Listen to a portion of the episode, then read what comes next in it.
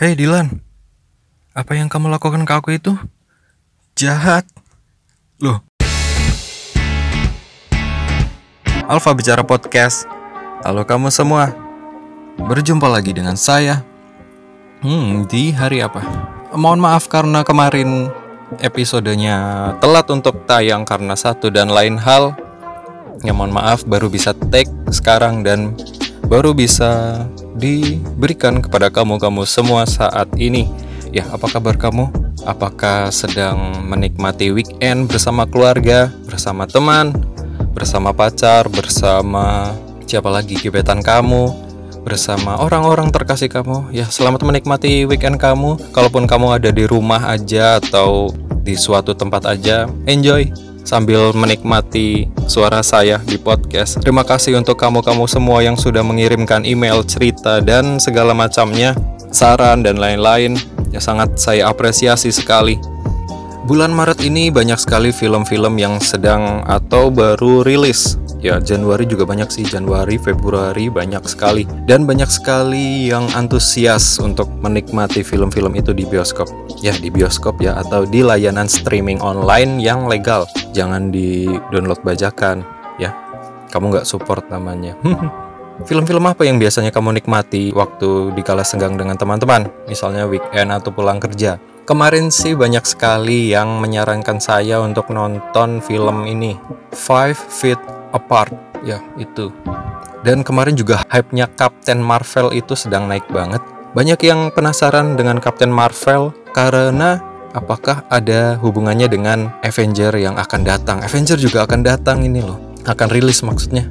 Ya karena waktu di Infinity War itu sangat nanggung dan menyedihkan sekali Banyak yang sedih karena jadi debu dan lain-lain itu Banyak yang baper ke bawah suasana Kamu sukanya nonton apa? Apakah kamu menikmati atau mengikuti yang namanya uh, universe film dari Apakah kamu menikmati universe dari Marvel? Ataukah kamu adalah fans garis kerasnya DC. Banyak sekali isu yang bertebaran di sana. Ada yang beranggapan sudah bosan dengan universe dari um, sudah bosan dengan apa yang dilakukan Marvel, apa yang disajikan Marvel. Ya sepertinya seperti itu itu saja. Tapi ada yang tetap antusias karena selain memperkenalkan karakter barunya yaitu Captain Marvel, Marvel juga sedang ada apa ya pergerakan-pergerakan yang mungkin karakter-karakter yang ada di Marvel Comic akan diangkat ke layar lebar. Karena apa? Disney, ya ini kabar baru, Disney telah membeli Fox dengan harga yang sangat mahal itu.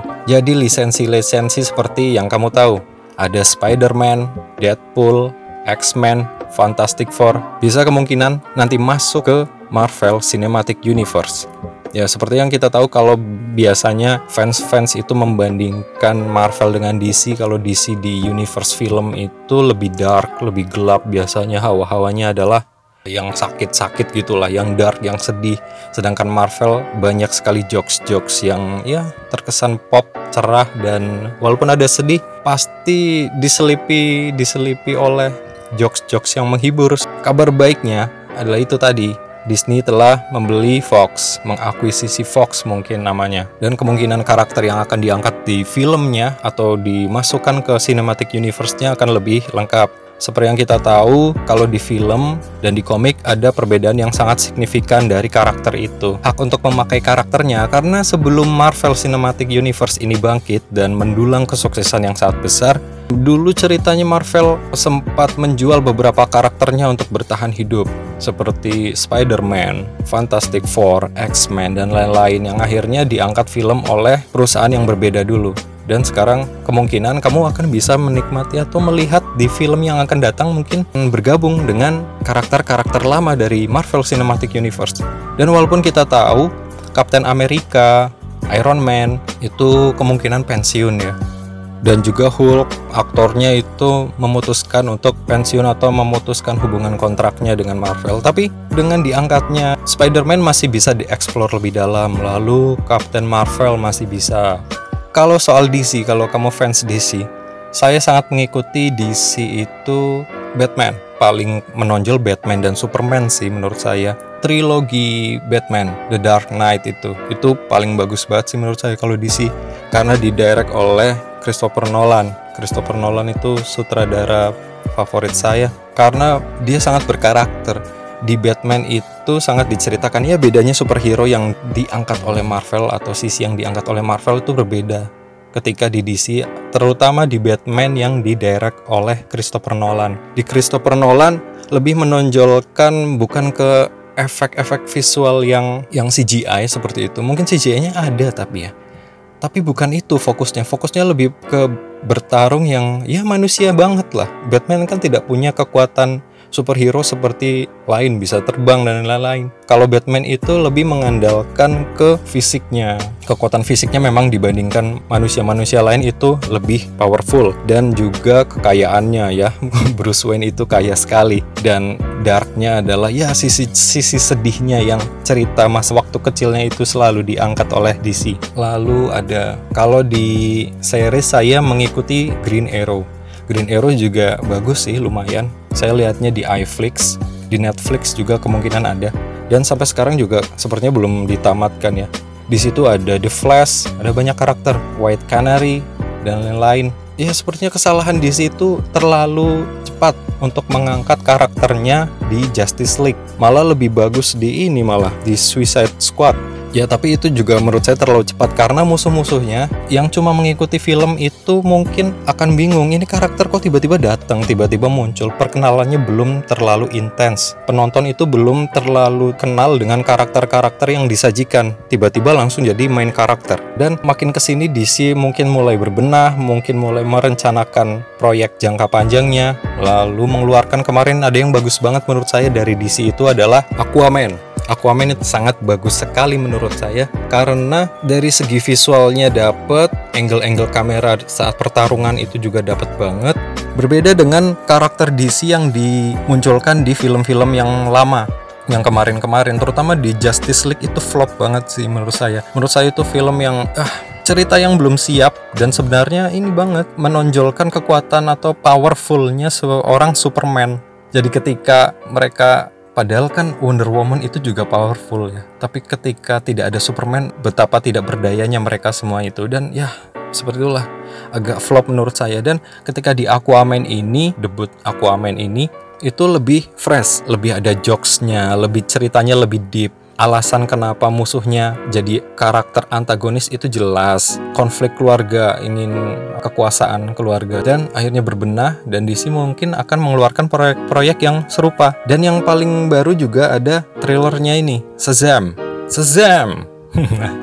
Saya belum terlalu familiar sih dengan karakter itu tapi sepertinya bagus. Di mana di trailer itu diceritakan seorang anak anak kecil yang tiba-tiba sedang duduk dalam kereta dan keretanya berhenti. Lalu ada ada sosok yang namanya Shazam juga kayaknya apa ya? Lalu memberikan kekuatan itu.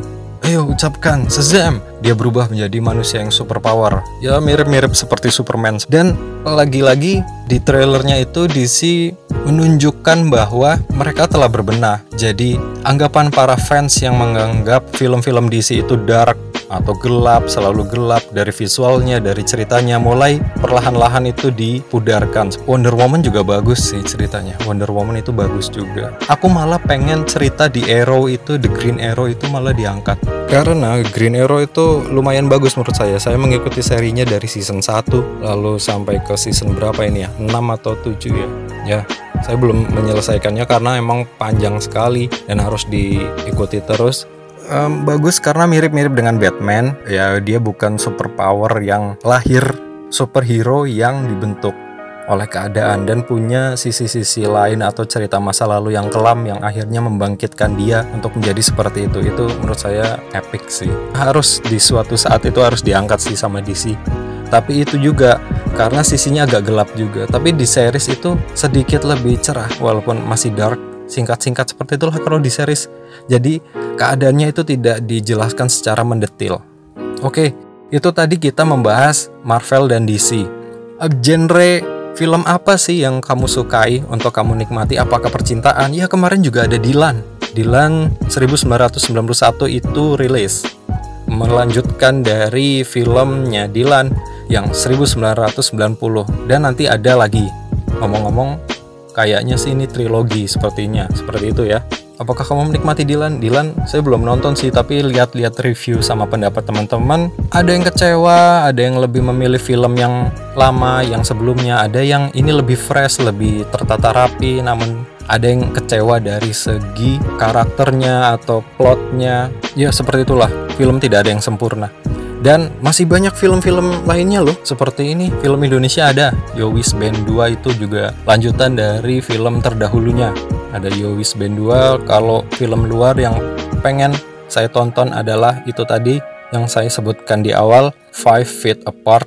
Lalu ada As Ada As itu horror, Five Feet Apart itu drama percintaan. Kalau saya lihat sih dari kata teman-teman yang udah nonton itu mirip-mirip sama film film yang tentang orang sakit itulah seperti itu. Katanya seperti itu. Ya, ceritanya mirip-mirip dan ini juga film yang diangkat dari sebuah novel penulisnya salah satu penulisnya juga menulis uh, skripnya juga dan ya katanya bagus katanya teman-teman yang sudah menonton itu rata-rata setelah menonton dan keluar dari ruangan bioskop semuanya itu menangis. Matanya sembab lalu ya seperti itulah. Entah menangis karena filmnya atau teringat masalahnya sendiri ya saya nggak tahu ya. Lalu film apa lagi? As itu film horor. Film horor yang menurut saya sih agak menarik karena biasanya horor memunculkan sosok-sosok hantu, setan, monster dan lain-lain. Ini adalah film horor yang agak unik yaitu menampilkan karakter yang di, dikenalkan di situ mempunyai kembaran seperti itu. Ya agak horor tapi science fiction sedikit. Bukan sedikit sih, banyak sih ya. Ini adalah film yang digarap oleh sutradara dari film Get Out. Get Out juga horor juga dan sama-sama menarik karena di sini juga diselipkan oleh isu-isu yang sedang terkini atau booming terutama di US sana, Amerika. Banyak referensi film di bulan ini. Banyak sekali hal-hal yang bisa kamu nikmati dan tonton bersama teman-teman atau biasanya sendirian juga nggak apa-apa. Karena ada yang memilih untuk menonton sendirian daripada sama-sama. Soalnya ada cerita seperti ini. Ketika menonton sama-sama tapi orangnya pengetahuan tentang filmnya itu tidak semengerti kita jadi pas nonton itu banyak tanya dan akhirnya kita kehilangan fokus dalam menonton film itu. Dan film apa favoritmu genrenya?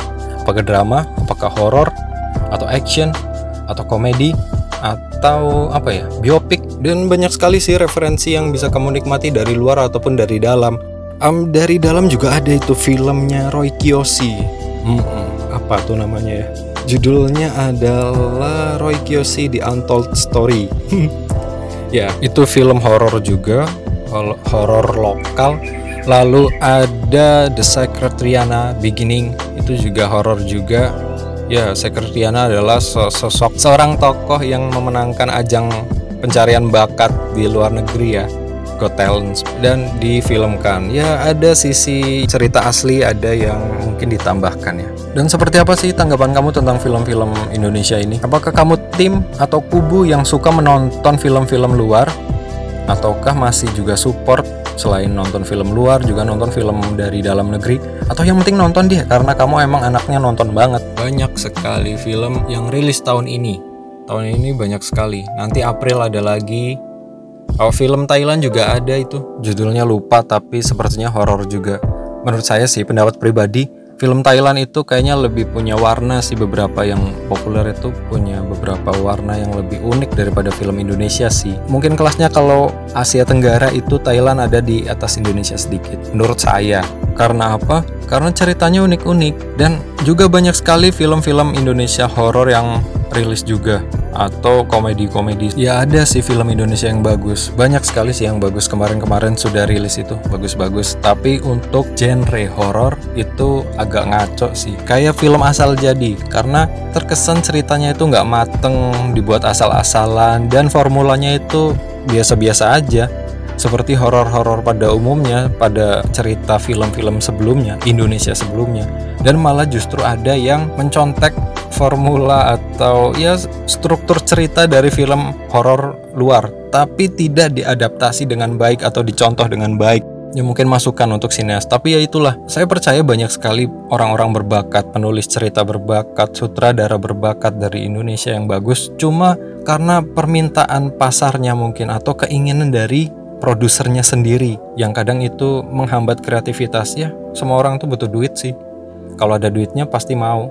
Dan kenapa sutradara membuat film-film yang seperti itu? Ya karena memang ada pasarnya, ada ada peminatnya. Terutama dulu adalah tren di mana film-film horor yang berbau tanda kutip itu itu sangat sampah sih. Saya hampir tidak pernah menonton film-film itu film-film Indonesia yang horor-horor itu. Paling drama atau action. Dan ini juga ada film terbaru yaitu Triple Threat. Triple Threat ini adalah film luar dari Hollywood yang dibintangi oleh aktor kita. Ya siapa lagi kalau bukan Iko Uwais ya masih bercerita tentang atau di genre action. Dan itu masing-masing tokohnya adalah tokoh yang biasa memerankan atau martial artis yang sangat terkenal. Agak menarik juga entah ya ceritanya saya belum nonton. Udah rilis atau belum ya? Saya nggak tahu juga. Mungkin nanti saya harus mencoba. Nanti saya bagikan lagi kepada kalian semua. Dan ya apakah minggu kalian ini diisi dengan menonton atau ngapain? Dan biasanya genre film apa yang kalian suka? Dan coba dibagi dan share di kolom komentar atau di email juga nggak apa-apa. Di Bicara Podcast at gmail.com atau di Instagram, Twitter, dan halaman Facebooknya ada di Alfa Bicara Podcast. Silahkan berbagi di sana. Dan kalau udah menonton salah satu dari film yang saya sebutkan tadi, silahkan deh dibagi. Tapi jangan spoiler ya. Kalau saya sendiri sih spoiler sih nggak masalah sih. Tapi kan ada orang yang memang nggak mau dan bener-bener nggak mau dikasih spoiler biar fresh katanya tapi kalau saya sih nggak masalah dan silakan aja eh, singkat aja untuk episode kali ini. Dan silakan kirim email kritik dan tadi jangan lupa di komen. Nanti saya lebih panjang di episode ya gitu sih aja ya. Semoga kamu menikmati weekend ini dengan keluarga dengan siapa pun itu. Dan sampai bertemu di episode selanjutnya. Dan jangan lupa makan. Dari kemarin jangan lupa makan mulai. Jangan lupa mandi iya. Dan itu, sampai jumpa di episode selanjutnya. Alfa Bicara Podcast. Signing out.